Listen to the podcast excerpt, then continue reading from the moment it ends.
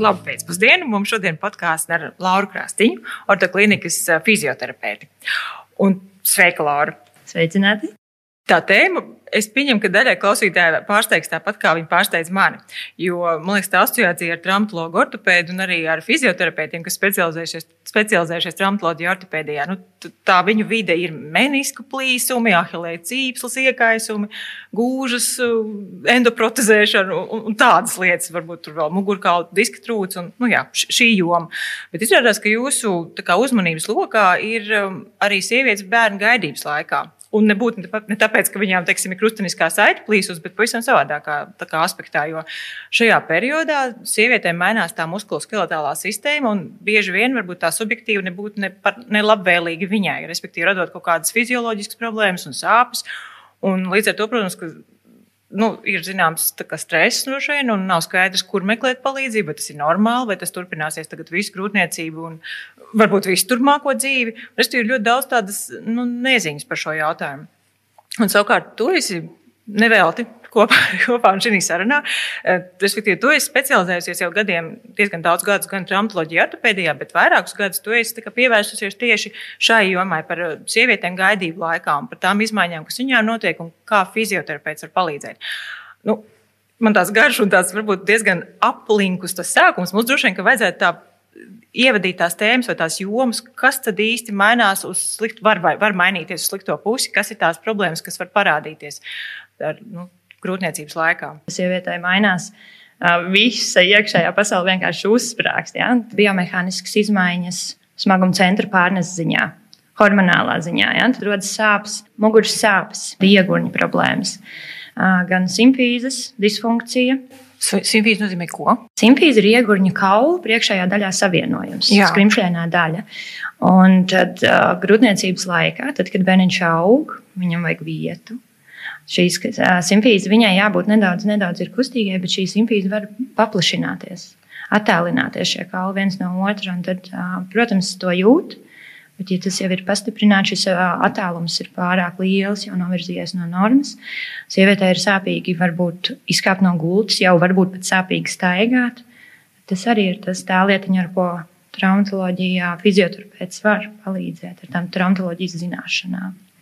Un vēl viena lieta bija mm, mazā ieguņa vājums. Jā. Ja, kas ir arī ļoti populāri. Ja mēs, piemēram, ko tas nozīmē? Ko tas nozīmē? Jā. Sievietei, piemēram, urīna nesaturēšana nav jābūt.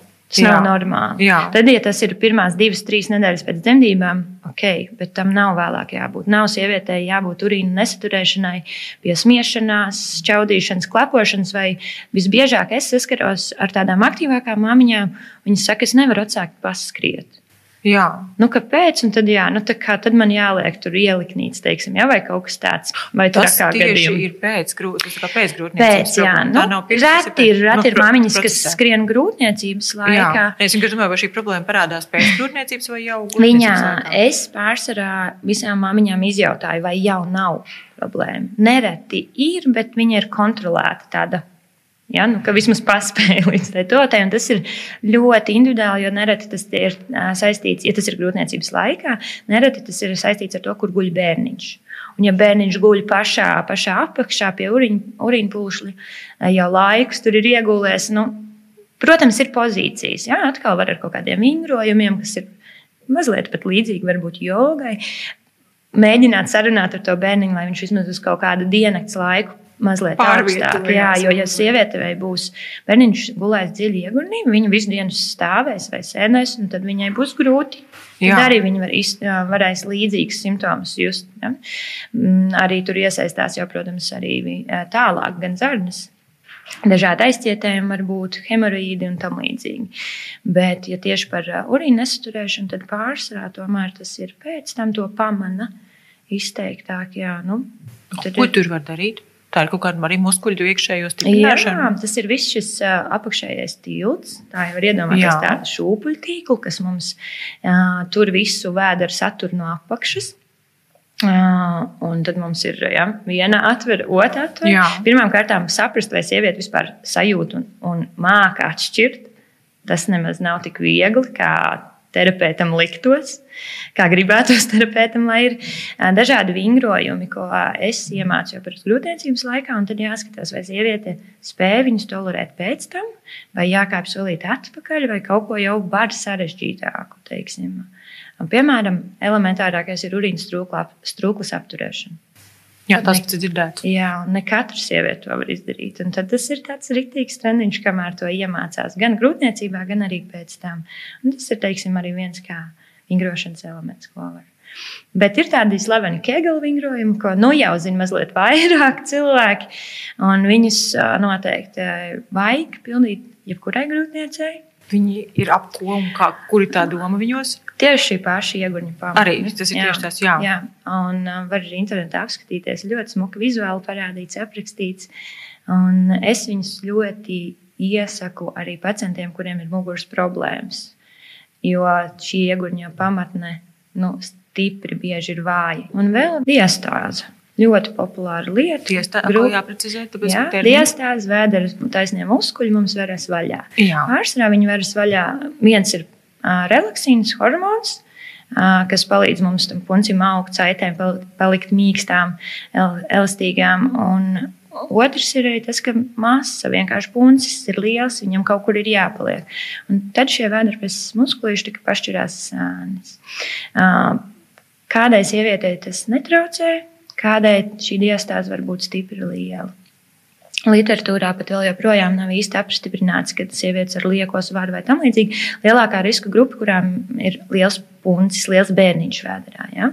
Vai šīs lietas turpinās arī pēc grūtniecības? Viņas var, tas... ja ir liels novirzes, viņas var arī. Gan mugura, gan, gan arī šis iegūt problēmas, jā. viņas var tikai turpināt. Jo daudz problēmas var iegūt arī, piemēram, dzemdībās.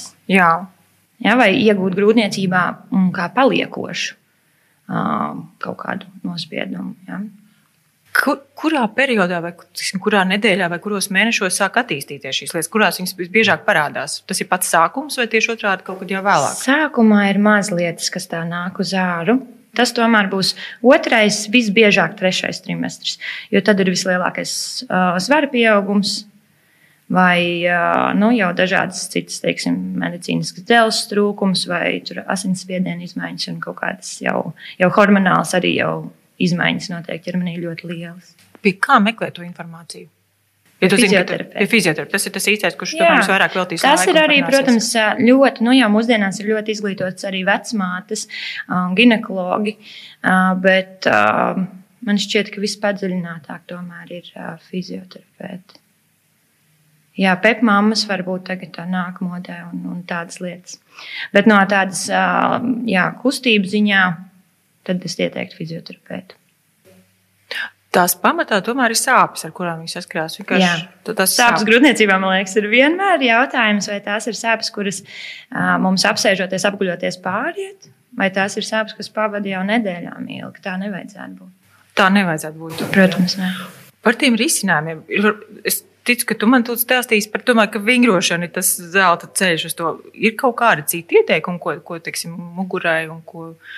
Fizioterapija jau nav tikai vingrošana. Tad, jā. Jā, protams, tas pats klasiskais teips, ko to vai dažādas manuālas tehnikas, ko arī var palīdzēt arī grūtniecēm, locītavas mobilizācijas un tam līdzīgi.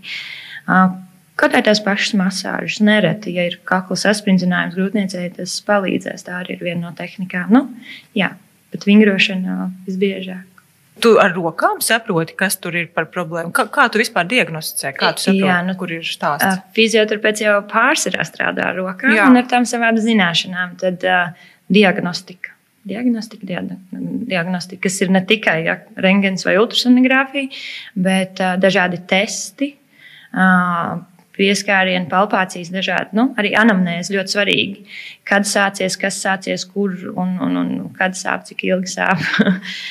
to visu izmeklējot, izjautājot, bieži vien ir ļoti skaidrs, vismaz ap, aptuveni. Tā teiksim, vairāk virzieni, kurā skatīties, kas tas varētu būt. Nevis, ka mēs tagad kāja jā, vai, vai kaut ko vispār darām. Jā, tā kā tie tie, tie gadi, kas ir pavadīti, teiksim, tajā iedziļinoties, arī dod to informāciju, kā izmeklēt un kā pēc tam strādāt ar to, kas ir atrasts. Visvieglāk ir atrast risinājumu un ātrāk. Protams, tad, ja sieviete ir bijusi fiziski aktīva, Jā. un ja viņa klausās ar abām ausīm šitā vaļā, ja tev nav jāpārliecina tas cilvēks, protams, bet tas ir jebkurai diagnozei, traumatoloģijā un droši vien ne tikai. Un tad tu informē, izstāsti, varbūt parādi bildē vai kādā video. Un uh, sievietei pašai ir skaidrs, kas tur notiek. Varbūt izstāst mazliet fizioloģiju, ka ir normāli, ka jūt kaut ko vairāk. Nu, un, un, un ir kaut kādas tās izmaiņas, jo ķermenī ir milzīgas. Tad, kad izstāst to visu, vai to izstāst varbūt kādreiz arī ginekologs, un tu tikai apstiprini, jā, ka tā ir, kā, kā, kā stāstīja. Tad jau tā terapija paliek uh, patīkama. Viņa paliek arī ātrāk, jo sieviete pati parasti ir interesēta jau mājās kaut ko darīt. Un, un redzēt skaidrāk to skatu, kāpēc jādara. Un kā tas priekšstats, ka tomēr fizioterapijā tomēr. Nu, Bez nekādiem svariem tu maz ko vari panākt. Nu, bet, kā laikam, grūtniecības laikā tu neko daudz ar kaut kādiem svariem, nu, tu droši vien tikai pats ar savu ķermeņa svaru. Tur kaut kā tāda. Ja sieviete pirms tam ir strādājusi ar svariem, mēs nesamazinām. Varbūt à, samazināt uh, pirmajā trimestrī rekomendē, uh, bet, uh, ja sieviete pirms tam ir darbojusies, droši drīkst strādāt arī tādā līmenī tālāk. Nu jā, mēs runājam diezgan vispārīgi par ļoti dažādām problēmām. Tu saki, ka tas var saglabāties arī pēc grūtniecības. Jā. Kas, kas ir tāds, ko nevar novērst? Nu, kas ir tāds, ko vienkārši tu vari aizvest līdz kaut kādam punktam, piemēram, es nezinu, ka varēs anatomijas, teiksim, ir anatomiskas struktūras izmaiņas. Ja? Tas nozīmē, ko, piemēram? Nu, tā pati disku trūcis. Būs pilnīgi noteikti skaidrs, ka disks ir. Ja? Sašaurināts. Ja Jā. viņam vairs nav šis augstums, nebūs šī amortizācija, mēs nevaram vairs atgriezt atpakaļ Jā. to līmeni. Un tad mēs strādājam uz to, lai saglabātu šo augstumu vismaz ar muskuļiem, ja, lai mēs noturētu saites stabilas. Un, un, un, un lai viss tas mugurkauls kopumā būtu stabils, lai neveidotos vēl lielākas problēmas. Ļoti bieži fizioterapijā, traumatoloģijā mēs strādājam ar to, lai šo procesu apstādinātu un paliktu teiksim, tajā, tajā situācijā, epizodē, tā kā ir, lai nepaliek Jā. sliktāk. Un bieži vien ar to arī pietiek. Par to simfīzu, ko tu minēji, ka viņa bieži, nu ne bieži, bet ir gadījumi, kad viņa nesašaurinās attiecīgi arī pēc tam. Jā, viņa mēdz gan dzemdību, dzemdību laikā, pavisam atvērties, atplīst vaļā. Un pēc tam konkrēti simfīzi, ja tas nav plīsums jau nekāds, tad viņi tomēr laika gaitā pati sajiet atpakaļ. Bet lielākoties tomēr iemesls būs ierobežojuma neievērošana. Ja sieviete tomēr ceļā, celā smagums, varbūt daudz staigā, dara visu to, kas viņai dara sāpes, dažādu iemeslu dēļ. Varbūt nav cits, kas palīdz, vai netic kāda terapeita ārsta norādījumiem. Tad var jā, sataisīt jau diezgan liels ziepes. Tālāk ir ķirurģija, ja, kur tādus tieplīgi liek un tad mēģina fiksēt viņu šādā veidā. Tāpēc jau ir svarīgi, ka ir kāds, kas izstāsta, kas tur sāp un, un ko drīkst un ko nedrīkst darīt. Un ka cilvēks vienkārši nepārspīlē. Jā, nu, redz, mēs zinām par to disku trūci, kas ir tāds, ko, tu, nu, ko, ko fizioterapeits nevar atkal atlikt Jā. atpakaļ, lai viss kā būtu. Bet kas ir tāds, ko var?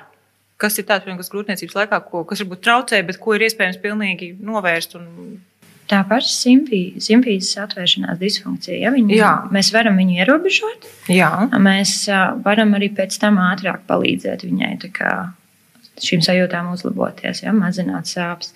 Diastāze.